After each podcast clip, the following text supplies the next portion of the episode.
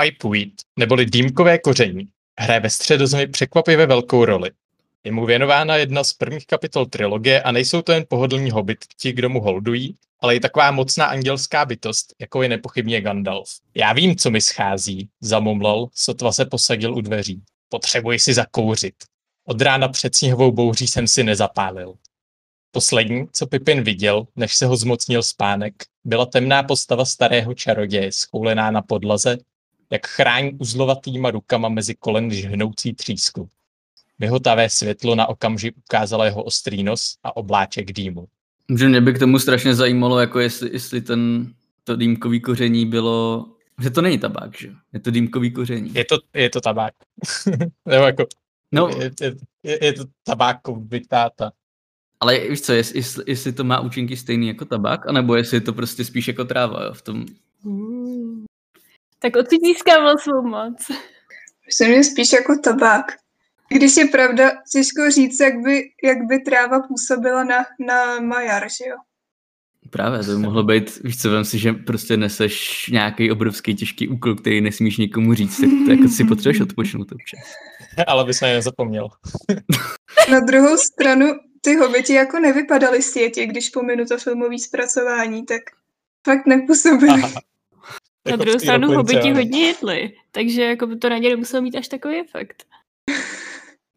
Jako tohle to mi přišlo jako nejzajímavější otázka ohledně dýmkového koření vždycky, jako jestli, jestli prostě je to tabák nebo je to něco víc.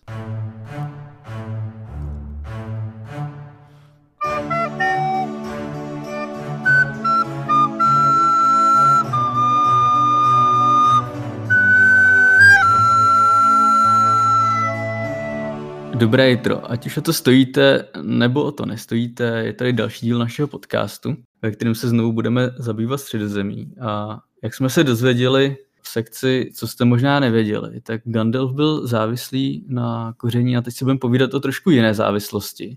Naším dnešním tématem je totiž gloom. Téma zní diagnoza gloom a neb má nám glooma být líto. Mě by zajímalo, co si o tom myslíte. Povídejte, má nám ho být líto nebo ne? Určitě. Jednoduchá odpověď. Tohle je to je pointa celý té trilogie třeba, ale jo.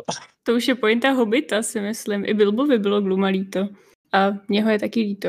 Takže Tolkien vlastně psal spoustu knížek jenom proto, aby nám bylo líto Gluma. Přesně, teď jsme rozklíčovali, proč stvořil středozemi a pána prstenů. Huhu. No, po, pointa jsem to myslel spíš ve smyslu jako postavy Froda, ale budíš. A to, toho, co na Ne. něm bylo, to dobrý. Myslíš, že teda Gloom je takový Frodovo zrcadlo, jak by to s Ne. Frodem mohlo dopadnout? Nebo Ne, ne, ne, ne, no takhle taky, ale myslím si, že eh, hlavní pointa postavy Froda je to, že na rozdíl od ostatních mu bylo líto Gluma a že to vlastně bylo to, co ve výsledku zachránilo celou středozem. mm-hmm. No, já myslím, že bylo víc těch postav, kterým bylo Gluma líto, ale zároveň jim jako opovrhovali, ale myslím, že ta lítost se tam objevuje víc postav minimálně u Aragorna a u Gandalfa, tuším. Mhm, určitě. Jo, ne, ne jediná. Blbě. Jo, ale ur- určitě jako, um, když srovnáme sama a Froda, tak Frodovi bylo rozhodně líto teda Glooma. No, někdy to nechal na samovi, tak ho nechal někde svázanýho elfím lanem. Ne, ještě by ho ideálně utopil, nebo co to tam někde říkal. Otázku, jestli by to nebylo lepší. No, to, ano, zajímavá otázka.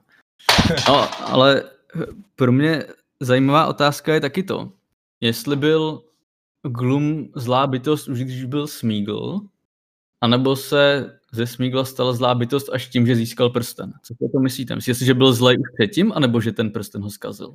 Podle předtím nebyl zlej, jenom byl jako neskutečným způsobem slabá osobnost, který neměl skoro žádnou svoji vůli, takže jakmile dostal tu příležitost, nebo jak, jakmile dostal jako tu možnost být zlákaný tím zlem, tak vlastně to udělal. Když vezmeš, jakým způsobem se dostal k prstenu, kdy ho Deagol vylovil z řeky a ono jako instant, instantně se rozhodl prostě, že kvůli tomu prstenu ho klidně zabije tak to je jako víceméně neporovnatelný s tím, když ho Bilbo našel v kapse, ale potom, i když věděl, že je neviditelný, tak stejně Gluma ušetřil a podobně s Frodem, že jo. Já si ale nemyslím, že to je jenom tím, že byl jako slabý charakter nebo slabá osobnost. Já si myslím, že v něm už jako nějaký trochu zárodek musel být toho zla nebo nějaký sklony, o kterých třeba nemusel vědět.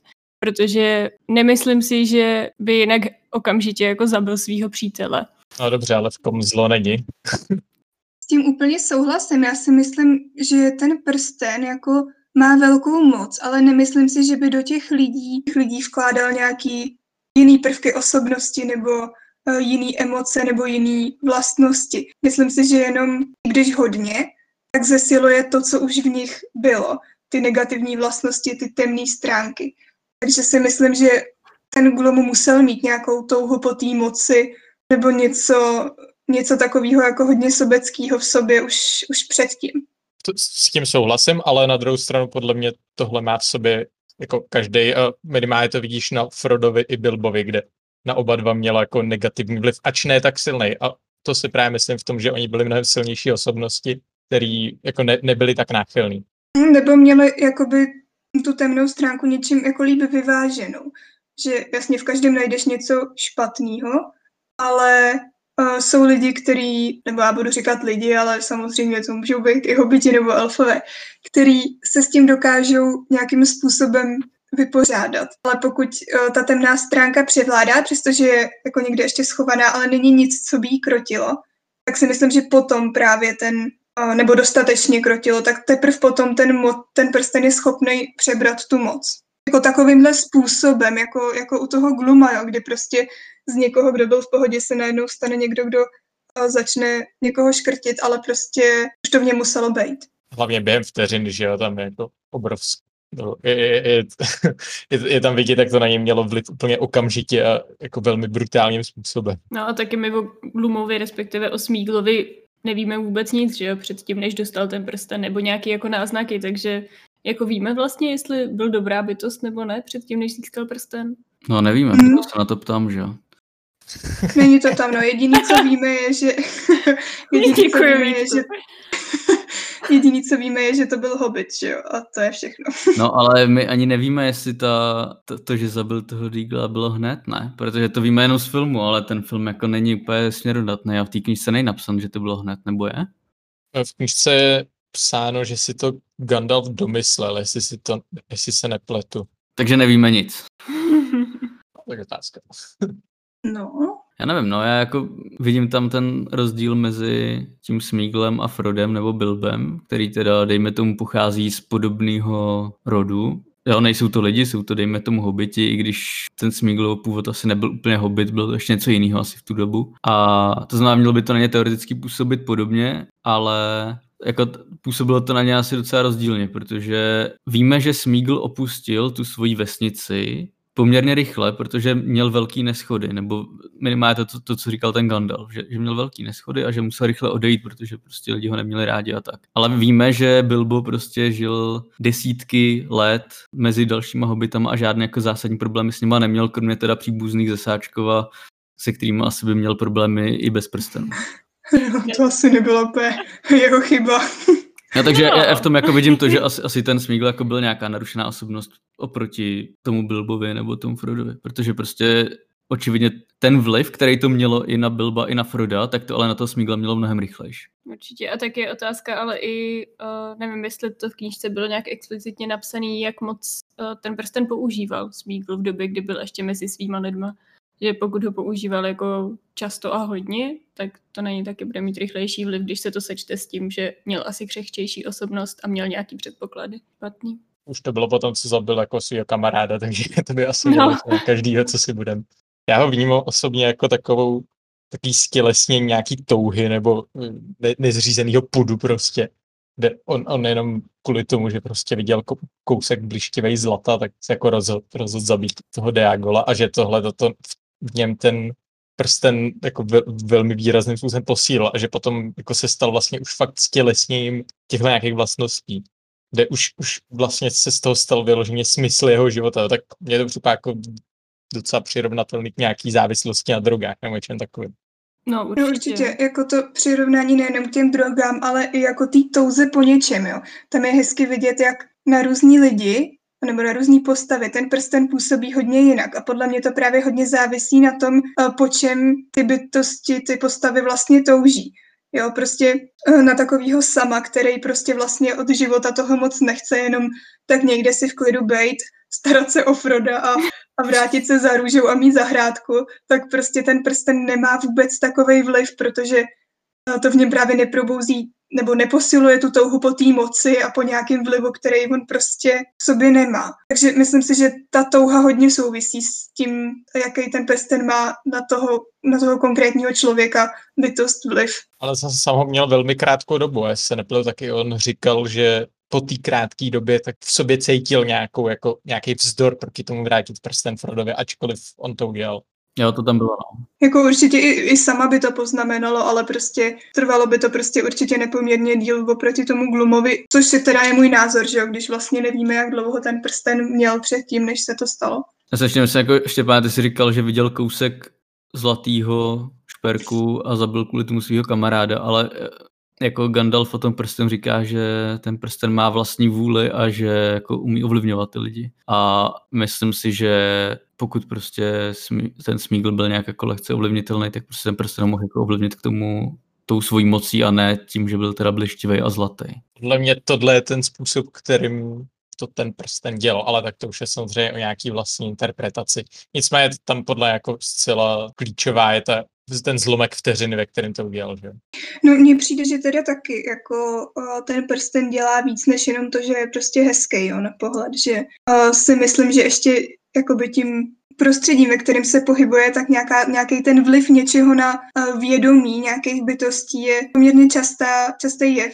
Takže si opravdu myslím, že ten prsten dokáže pronikat do těch myslí a, a vyvolávat v nich prostě něco jiného, než jenom tu touhu potom zlatě. Já myslím, že nejenom do vědomí. Jo.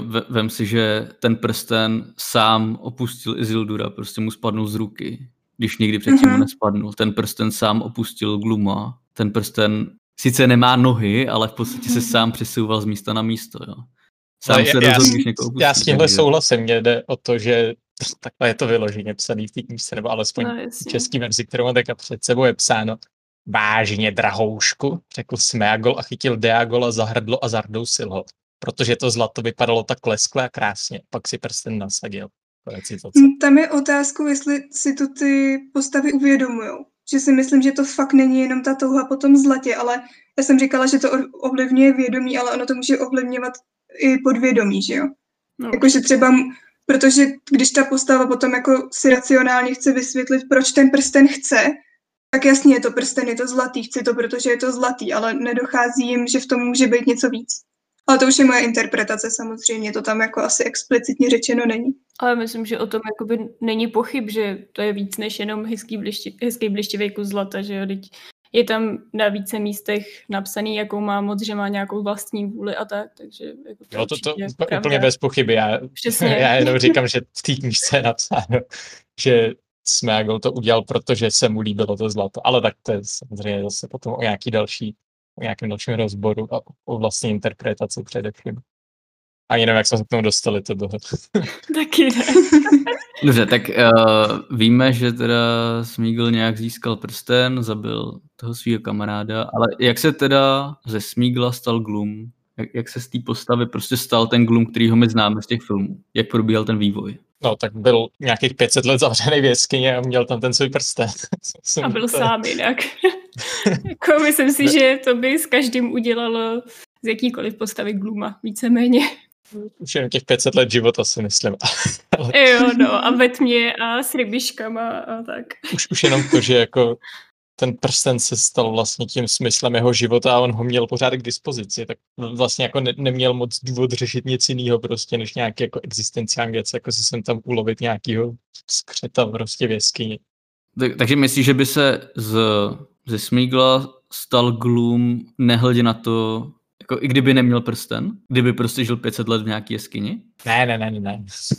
to neříkám. Já, já tam jenom furt vidím tu paralelu prostě s tím drogově závislým člověkem, že to je člověk, který byl jako, nebo to byl, byla to osoba, která velmi dlouho jako podléhala tomu svému pokušení a jako ne, neměla žádnou jako zpětnou vazbu nebo žádným způsobem nebyla omezovaná v tom tak mně se hodně líbí to přirovnání k té drogové závislosti nebo k závislosti obecně, protože si myslím, že se to v tom hodně zrcadlí. Ale ještě bych se vrátila k té myšlence toho, že to z toho Gluma dělala i ta samotná izolace, jo. Já si myslím, že ten prsten tomu Ogluma nešlo, že jo. To pro něj byl jenom nějaký způsob, jak se dostat prostě zase k něčemu živýmu a mít nějakou možnost získat ještě větší moc a vrátit se ke svýmu pánovi a tak. Ale on opravdu mohl fungovat jako jasně, tak na začátku určitě pomohl tomu Glumovi, aby si to eh, pokazil v té společnosti, v jaký byl, aby se dostal pryč, ale on ho potom reálně fakt mohl jenom jako udržovat při životě a v tom Glumovi mohla zapracovat kombinace jeho vlastní osobnosti a té izolace a té dlouhověkosti. Tak my i víme, že vlastně eh, v době toho hobita tak Glum s tím prstem zacházel tak, že ho měl téměř pořád schovaný na tom ostrově a jenom když šel lovit, tak si ho vzal. Takže on ho neměl tak, že by měl permanentně nasazený prostě na prstu. On, on ho jako bral jenom velmi málo kdy, protože většinou se živil rybama a když někdy dostal extra hlad nebo chuť, tak si šel ulovit nějakého skreta. Jo, takže on to jako není tak, že by ten prsten prostě používal pořád. On ho prostě měl ve své moci, měl ho někde schovaný, ale jako nevyužíval ho pořád. No a vemte si, co izolace dělá jenom jako teď s lidma, když jsme někde v karanténě pár měsíců, tak si to představte, ty pár set let. Ještě mě. tak to doufám, že se ta situace rychle vy, vy, vyřeší, aby jsme tady neměli planetu Glumu, teda to by bylo docela strašný. A všichni budeme chodit a říkat Miláško. Ty to říkáš docela normálně. a negativitu dlouhověkosti tak jako nastínil třeba Swift, že jo, Gulliverova cesta, když mě tak napadá. Mm. psalo to, že to vlastně nemusí být úplně jako to, co chceš. Jo, mimochodem jenom k té Glumovo dlouhověkosti, tak je třeba zajímavý, že je vědecky prokázaný, že jedna z mála věcí, která fakt jako prodlužuje život, tak je dlouhodobý hladovění. Takže možná mu to nespůsoboval jenom ten prsten, ale i to, že měl málo jídla. Jenom tak jakože side note. No a když už jsme u té dlouhověkosti, tak jak mě napadá otázka, co by se stalo s Glumem, pokud by byl prsten zničený jiným způsobem, než že teda Glum s ním jako spadne do té hory osudu. Pokud by Glum prostě zabil. zůstal někde žít jako pod horou, nevěděl by, co se dál děje s prstenem, ale žil by. Jestli by umřel ve chvíli, kdyby byl zničený prsten, pokud mu ta dlouhověkost byla daná prstenem? Ve chvíli, kdyby on zjistil, že ten prsten zničili, takže ho hodili do hory osudu, tak on by tam skočil taky protože by to byla jako jeho jediná naděje v tom, že se s ním ještě nějakým způsobem setká. Dobře, ale čistě, čistě hypoteticky vůbec by nezjistil, co se s tím prstem stalo. Prostě by zůstal žít v mlžných horách. Umřel, no, ale umřel by ve point, chvíli... nezůstal. Dobře, ale mě jde o to, jestli ta, ta, to, že žil dlouho, jestli ten jeho život byl daný tím prstenem, to znamená, že ve chvíli, kdyby byl ten prsten zničený, tak, tak by nemělo co ho držet naživu, anebo jestli ten, živ, ten prst mu nějakým způsobem prostě prodloužil život a on by nějak dožil sám, i když ten prsten by byl zničený. Já myslím, že tohle je řečený u Bilba, ne? Co se s ním stalo, když potom už neměl prsten. Jakože nějak dožíval, ale stárnul mnohem rychleji. Já si myslím, že u Gluma by to bylo podobný. Že jako neumřel by ze vteřiny na vteřinu ve chvíli, kdyby se zničil prsten, ale jako postupně by chátral, akorát by asi schátral za kratší dobu, než Bilbo. No počkej, ale dobu, co měl Bilbo prsten, tak Glum ten prsten neměl, čistě logicky. Takže jakoby ta, ta doba, za kterou Bilbo Pitlík měl prsten, tak tu celou tu dobu ten Glum neumřel, že jo? I když ten prsten neměl. A to je, protože měl, pod, podle, mě, podle mě to je proto, že měl nějakou tu myšlenku nebo naději toho, že se k tomu prstenu ještě dostane. Ale pokud jsem to hmm. správně pochopil, to myslíš tak, jako kdyby on věděl, že ten prsten už nikdy nedostane. Já myslím, že to jsou asi dvě jako rozdílné otázky, no. Nebo d- spíš dvě, dvě různé odpovědi. No, podle, podle mě ve chvíli, kdy on by podle mě by jako k tomu neuvěřil, a nebo by prostě jako ztratil ten, to jediný, co ho už pohánělo, ale to je zase o interpretaci. No asi jako přikláním k té variantě, že by za nějakou dobu prostě dožil, no.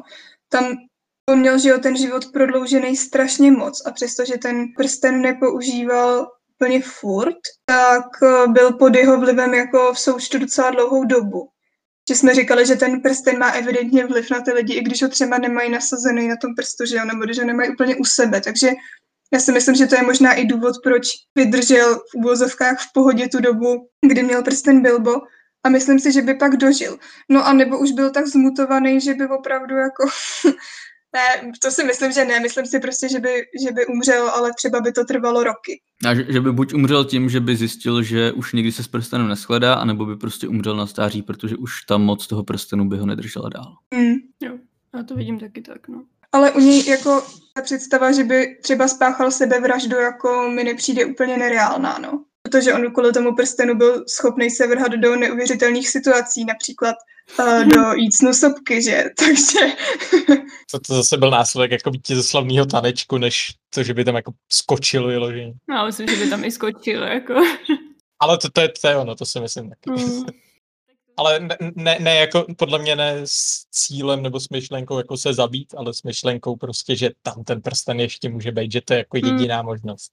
Jo, jo. Tak to už byl jeho jediný smysl života, že jo, takže. Přesně tak. No a mohl by se z Gluma teoreticky stát nějakým způsobem zpátky Smeagol? Možná polobotomy. Tak ona tam je vidět hodně ta jeho nevím, ambivalence, nebo to, to, že on vlastně jako i když už to byl Gloom, tak pořád v sobě měl tu dobrou stránku, která se prala jako s tím Gloomem. Ale a dobrá stránka je to teda v úvozovkách jako lepší, lepší z těch dvou, ale Já myslím, že klidně i to mohla být dobrá, jakože myslím si, že to mohlo být to, co by z něj mohlo být, pokud by nezabil toho svého kamaráda. no, ale to je to, co už jsme řešili, jestli on byl předtím dobrý vlastně. No dobře, ale ještě, ještě, lepší. ještě ne, ne, nebyl ten důkaz toho, že je zlej teda. Je- Jakoby, myslím si, že, že to mohl být obraz toho předtím, než vůbec se s tím prstenem setkal. Tak on není nikdo, že jo, jako stoprocentně dobrý nebo stoprocentně špatný, že jo, takže bych to klidně pojmenovala jako prostě tu lepší stránku, nicméně ani ta prostě by asi bez vlivu toho prstenu nebyla úplně jako uh, matka Teresa. Což mimochodem mně přijde vlastně jako hrozně hustý, že i po těch x těch letech tak v sobě pořád měl tuhle svoji stránku. Že bych nějak jako čekala, že už úplně propadne jako celou svojí duší myslí tomu prstenu. A je vlastně hrozně zajímavý, že se mu to tam zachovalo, ten původní Smeagol, a nejenom ten Gloom. Podle mě tohle je velká síla právě postavy Froda, který tohle to byl schopný v lidech jako vzbuzovat tím svým soucitem. Když Hmm. si vezmeš tak na, na konci života Sarumana, tak s, s, tí- tím, že on mu tam odpustil, nebo mu řekl minimálně, že jako ne, neposkorí jeho krev prostě prák jeho domu, ať táhne, tak Saruman na něj byl naštvaný, že, že ho vlastně jako ušetřil. Hm. Ale je vidět, že on to s lidma uměl. A na druhou stranu Sa- Sarumonovi to mohlo být dost jedno, jestli ho zabijou nebo nezabijou, že jo. Ale to je Jakoby-. A tak to je zase téma na nějaký další díl, si myslím. Jo, jo, jo, určitě. Ještě k té otázce toho, jestli by se z něj mohl stát zase zpátky teda uh, Smeagol, tak já si myslím, že v té fázi, ve které už byl po těch pětistech letech, tak prostě ne. Kdyby za ním někdo přišel třeba rok potom, co ten prsten získal, tak si myslím, že ano, určitě by ho to poz- poznamenalo, ale mohl by se vrátit podle mě ještě k tomu uvozovkách normálnímu životu. No, že prostě jenom to samotné setkání neudělalo prostě z něj toho eh, tu, tu, tu stvůru, s kterou se stal, ale i ta doba.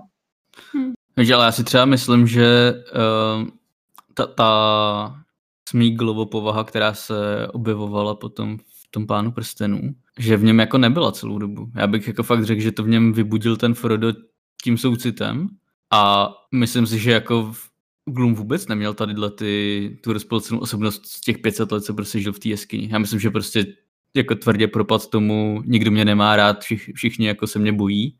Já tady budu žít v jeskyni a budu jíst ryby. A že právě to setkání s Frodem, který ho jako se ho snažil pochopit a vlastně jako jedin, jediný měl šanci ho pochopit, protože prožíval něco podobného, tak, tak ho zpátky jako přivedlo trošku na, k nějakému jako rozumu, k, to, k tomu, k tomu rozpolcení té osobnosti. Já si myslím, že to Mhm. rozpolcení fakt vzniklo až, až v době, kdy prostě chodil s Frodem asi samým s dalšíma živýma lidma, se kterými mohl mluvit.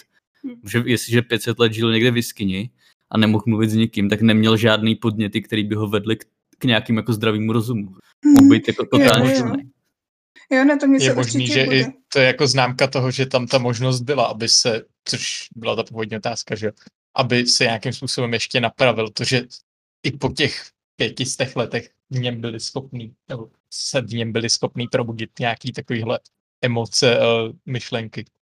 Já si myslím, že jako tady by ta možnost byla vrátit se, ale že on by nepřežil to zničení toho prstenu, což si myslím, že je jediná možnost, kdyby se k tomu mohl vrátit. Jo, že on by se potřeboval dostat pryč z moci prstenu, což by ale podle mě fakt jako nedal. Tím, že by radši spáchal sebevraždu nebo skočil právě za prstenem. Ale když by přežil tuhle fázi, tak si myslím, že se z něj mohl stát Smígl, i když teda s velkým posttraumatickým syndromem. A tak víme, že třeba Bilbo se taky dokázal toho prstenu vzdát. Sice ho neměl tak dlouho, ale on se dokázal ho vzdát, prostě předal ho tomu Frodovi, řekl, ten prsten už není můj. A já myslím, že pokud by Gloom byl schopný udělat tohleto, vzdát se toho prstenu, což teda víme, že asi nebyl schopný. No právě. Ale teoreticky, když by byl schopný si toho prstenu vzdát, tak si myslím, že by se z něj mohl stát jako ne vizuálně zpátky ten, ten smígl, ale minimálně psychicky. Já si myslím, že ne, jakože to není ani tak daný tou dobou, i když tam má taky jako velký vliv, ale i tím, co jako udělal. Protože Bilbo, přestože taky nebyl úplně svatoušek, takže pod mocí prstenu třeba nikoho nezavraždil a podobně. A že u Gluma právě jsou jako docela podstatní i ty jeho činy za tu dlouhou dobu. Takže si myslím, že by nikdy nebyl jako schopný se úplně vrátit. I když ty tendence tam trochu jsou. Určitě, já si myslím, že jakoby, jak jsme se bavili o tom probuzení v něm, té dobré stránky, po tom setkání a nějakým času s Fredem a Samem, tak si myslím, že ta stránka v něm jako dřímala, že byla jako totálně potlačená, protože ani nebylo nic jako, nebyl žádný důvod k tomu, aby takováhle stránka se probouzela, jo? když prostě žil v jeskyni, zabíjel ty zlobry, ne. skřety. Skřety. skřety. A, Rybišky. A, A on zabil rybišky. skříťata navíc, že on zabil jako mladý skřety. Oh. No.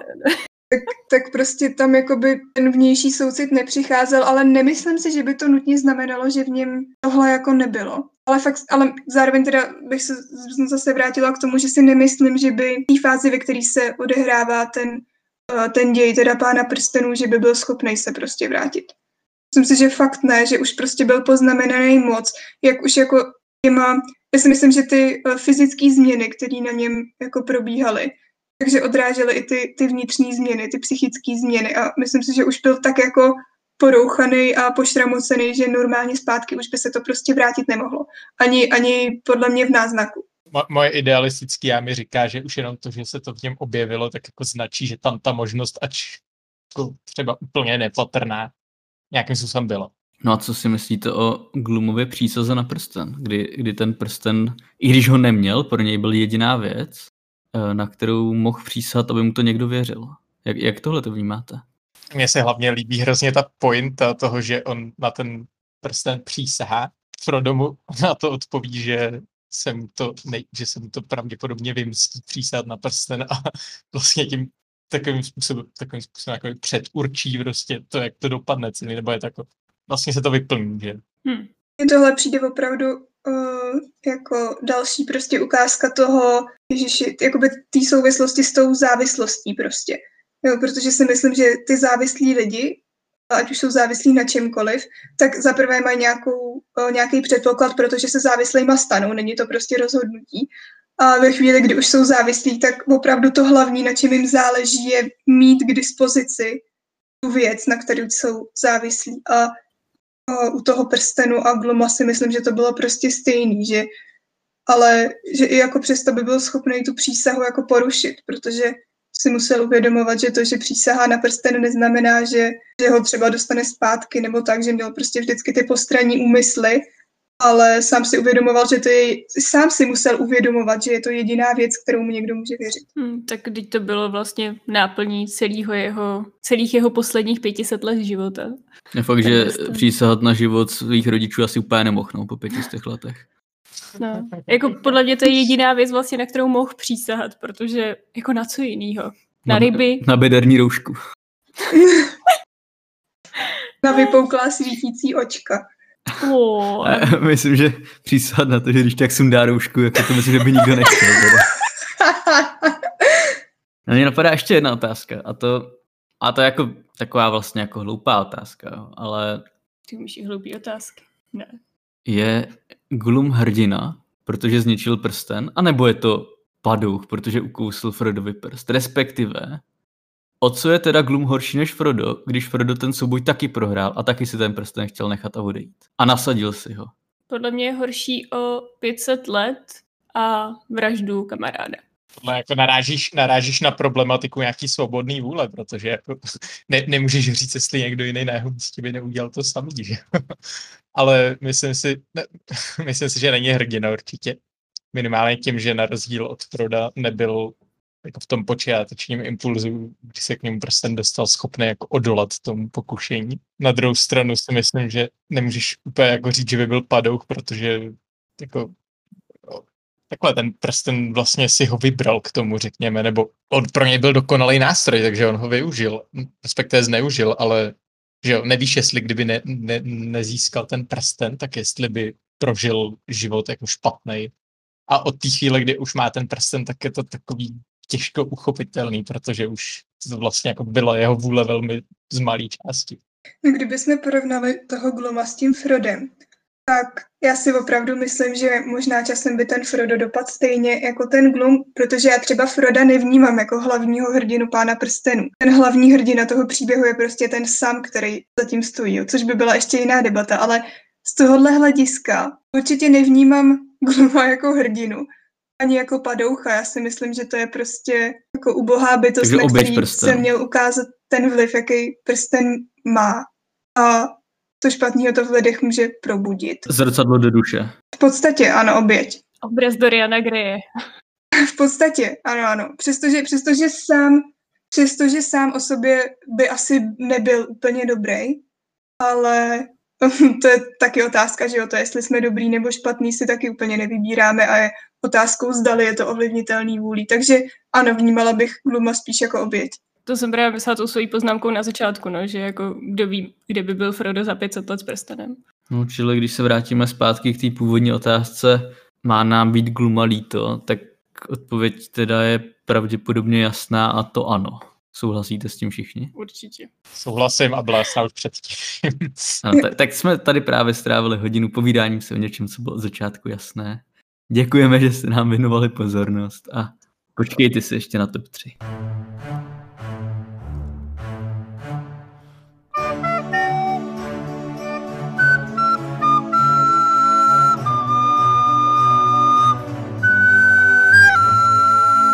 Top 3 dnešního dílu.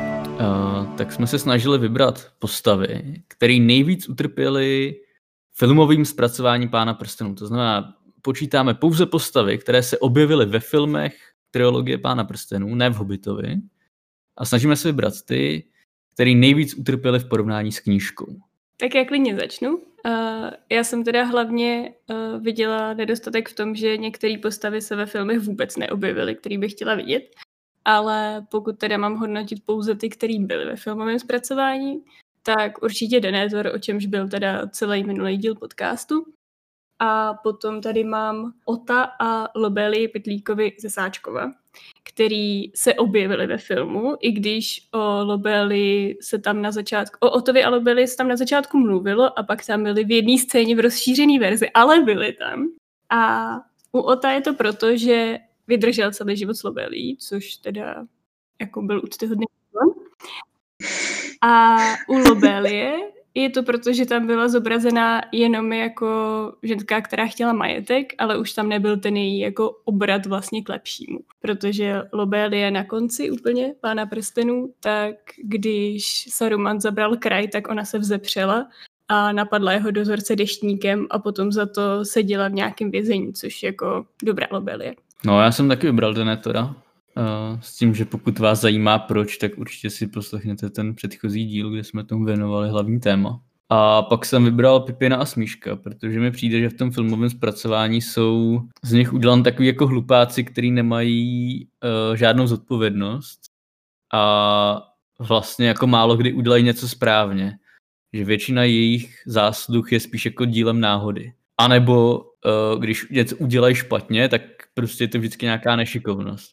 Jo, třeba příklad je, když prostě vlezou do moře, tak Pipin schodí tu kostru do té studny svojí nešikovností. V knize. Ale počkej, tohle, tohle, podle bylo, tohle bylo i v knížce a ne, to tam jde jenom o to, že je to jinak. V knížce poslední. taky hodí něco do studny, ale, ale jakoby ne tou nešikovností. Prostě on se podívá do té studny a říká si, bylo by zajímavý zjistit, jak je ta studna hluboká. A vezme kámen, hodí tam ten kámen.